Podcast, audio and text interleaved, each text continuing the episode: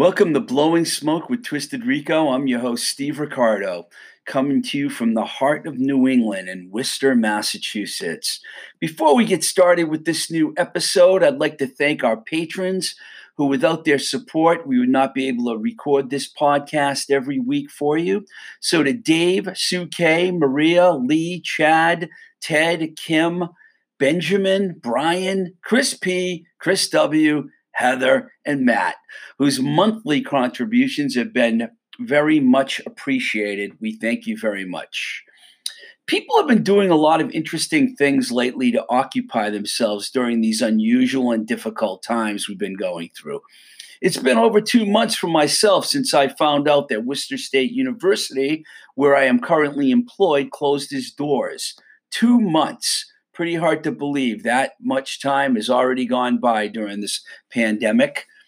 A lot of my time has been spent creating art, reading, and listening to music. And one thing I've seen a lot of on social media are people releasing their lists of various things, whether it be music, film, sports, etc. For example, you have the very popular Name 10 albums that have changed your life or influenced your life. This is tricky. It's like the desert island test. One thing I've always prided myself on is my diversity and wide range of music that I listen to. So my list is pretty much all over the place, but still primarily rock. And that's where we're at this week. You're getting my top 10. So here goes nothing. Number one, the Beatles, the White Album, big surprise, released in 1968. Like many of you, the Beatles have been an incredible influence on me. My top 10 could easily consist of 50% Beatle records, could be Revolver, Rubber Soul, Abbey Road, Sgt. Pepper, or even the Let It Be album. These are all masterpieces, but the one album that I have to put on the top of my list is definitely the White Album, which was actually self titled The Beatles. It's a double album, if, if you don't know, but I'm sure most of you do. For starters, my favorite Beatles song, the George Harrison penned While My Guitar Gently Weeps, is on it. And that's just the beginning. You have two brilliant tracks from John Lennon Dear Prudence and Glass Glass Onion. I love Glass Onion. A pair of Paul McCartney McCartney masterpieces in Rocky Raccoon. Who doesn't like Rocky Raccoon, right? And Blackbird singing in the dead of night. I promise I won't sing. We're only and we're only on the first two sides. Every song on side three is brilliant from Your Blues to Helter Skelter. And despite eight minutes of wasted space, with the Revolution number nine nightmare.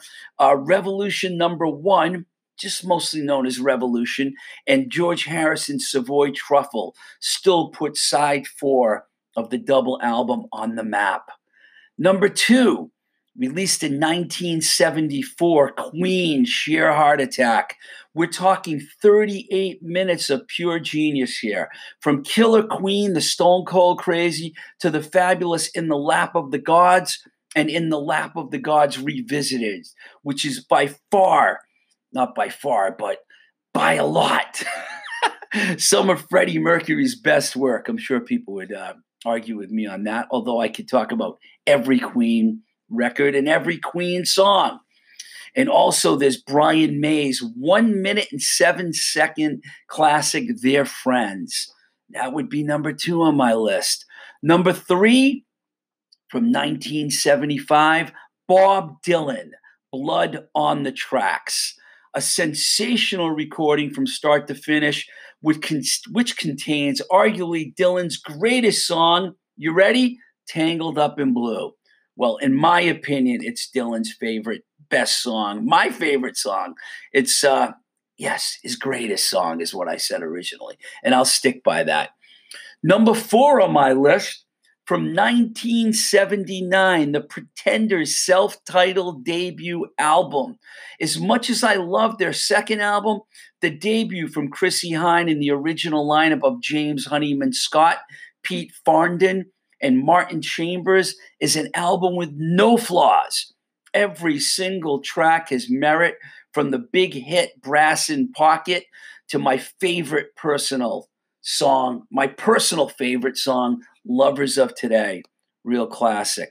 Number five, and there's a real 70s theme developing here, P.S., uh, is from the great Pink Floyd, The Animals album, released in 1977. What a year 1977 was. Most Pink Floyd fans would probably say Dark Side of the Moon or The Wall which would be my third and fourth favorite albums by Floyd, behind Animals and the equally fantastic Wish You Were Here album, which easily could have been in my top 10. What I have to say, everything about Animals is perfect. It's possibly Roger Waters' best songwriting effort, and that is saying a lot. We're going to stay in the 70s. In fact, we're going to go all the way back to 1970 for number six, Neil Young after the Gold Rush. Very difficult to pick out a favorite album by Mr. Young, and it was close with Harvest, and everybody knows this is nowhere right there in the mix. But this album has just too much depth and brilliance, and I had to go with this one after the Gold Rush. Once again, every single song is good from one of the Neil's biggest tunes, Southern Man, to the brilliant I Believe in You. It's a fantastic record from perhaps Canada's greatest export. Number seven, we're going to switch decades finally. Social Distortion, White Light, White Heat, White Trash. Released in 1970, excuse me, 1996. This is a record that I've worn out and will continue to do so till eternity. Dear lover, I was wrong. When the angels sing, and so on. One of the best albums from a songwriter's perspective. Mike Ness shares life, shares his life in his songs just about as good as anyone. And this record, if you have not spent a lot of time with it, you must listen to it. Number eight on my list released in 1993, Liz Phair, Exile in Guyville. Probably one of the best independent records ever released. And this is a record that has not even gone platinum to my knowledge yet. It only made it as far as 196 on the Billboard 200 very hard to believe. When you digest all that and put everything in the context, this record is an enormous success story, which is a debut album set the stage for a long, successful career from that potty mouth girl from Chicago who we love so much. Miss Phair, yes, we do love you. This is an album I wouldn't leave home without. Definitely in my top 10. Number nine, we're going to go all the way to 2010 for this one. Arcade Fire, The Suburbs, with all the brilliant records that came out before 2000. I never thought a record from 2010 would ever make my list. But The Suburbs is an anom- anomaly. Anomaly. To practice that word. Anomaly. It's a group effort filled with outstanding instrumentation and superb songwriting. Ready to Start, Modern Man, Suburban War, and yes, I do have a thing for concept records, which this record is. Also, saw them live in Pittsburgh a couple years ago, and they were fabulous. So um, I think I've used the word fabulous a few times here. I have to. And in number 10, we have a tie for number 10. You really didn't think I could keep this list to 10, did you? I'm going to put a couple of what I call popcore records in the 10th spot. Number 10, tie. Ready? The Descendents, Everything Sucks from 1996. I know it seems odd that I would pick a punk record that came out 20 years after punk started, but the songwriting on this record is nothing short of brilliant. If you listen to the Blowing Smoke with Twisted Rico podcast, you know I love the Descendents. All four members write and contribute on a high level on this record. We is one of my favorite songs ever written. In that tie position for number 10, ready? Released in 1987, Dag Nasty, Wig Out at Denko's. People are always surprised about this choice of mine. Most people call Can I Say their favorite DAG record, and you would think the person that released the Field Day record would say that was his favorite record. No, Not that guy. I love this record, and the lineup of Cortner, Baker, Carrion, Sears is stellar. And of course, Ian MacKaye's name is on it as a co producer with Don Z. Okay, here's my sneaky 11th pick, even though we already picked 11 records. Have to put this on my list. The Charms Pussycat. I have worked on many great records in my long music career, but this is the one that I can honestly say I put the most work into. Forgive me all those other labels that I worked for. This one was on my label, Red Car Records. and I also managed the band. So there. From the song selection to the recording to the marketing to the touring, this is a record I am extremely proud of and could never ever leave off of any of my favorite lists. Now, of course, I have a few honorable mentions. You probably realize that because there's so many great records. I know I'm breaking the rules here, but this is just there's just too many great records, and this is my podcast, so I'll do what I want. So I'm going to run through a list of great records here that could have been in my top 10. PJ Harvey, Stories from the City, Stories from the Sea, year 2000. In 2004, Caged Heat released their self titled second album, brilliant album from start to finish. Great guest appearances like Dana Colley from Morphine and Juliana Hatfield, and the late great Alan Devine and Asa Brebner. Brilliant record. Also on my list from 2007, Tegan and Sara, The Con, another great Canadian band. Notice I have three Canadian bands on this list so far. Maybe there might be another one. How about the Rolling Stones? It's only rock and roll, and I like it. 1974. What a great record. And from the Stones, the Stones have so many great records. That one's in my top 10, even though it's not. Here we go. We're going to lighten it up a little bit. Shh. Patty Griffin, Living with Ghosts, 1986. Talk about a brilliant songwriter. Patty Griffin is way up on the list. She's a brilliant songwriter in every way. In 1971, Badfinger put out the brilliant Straight Up album.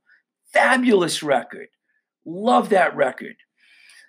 How about 2001? Lucinda Williams, Essence. Oh, I can listen to that record every day and never get sick of it. It's brilliant.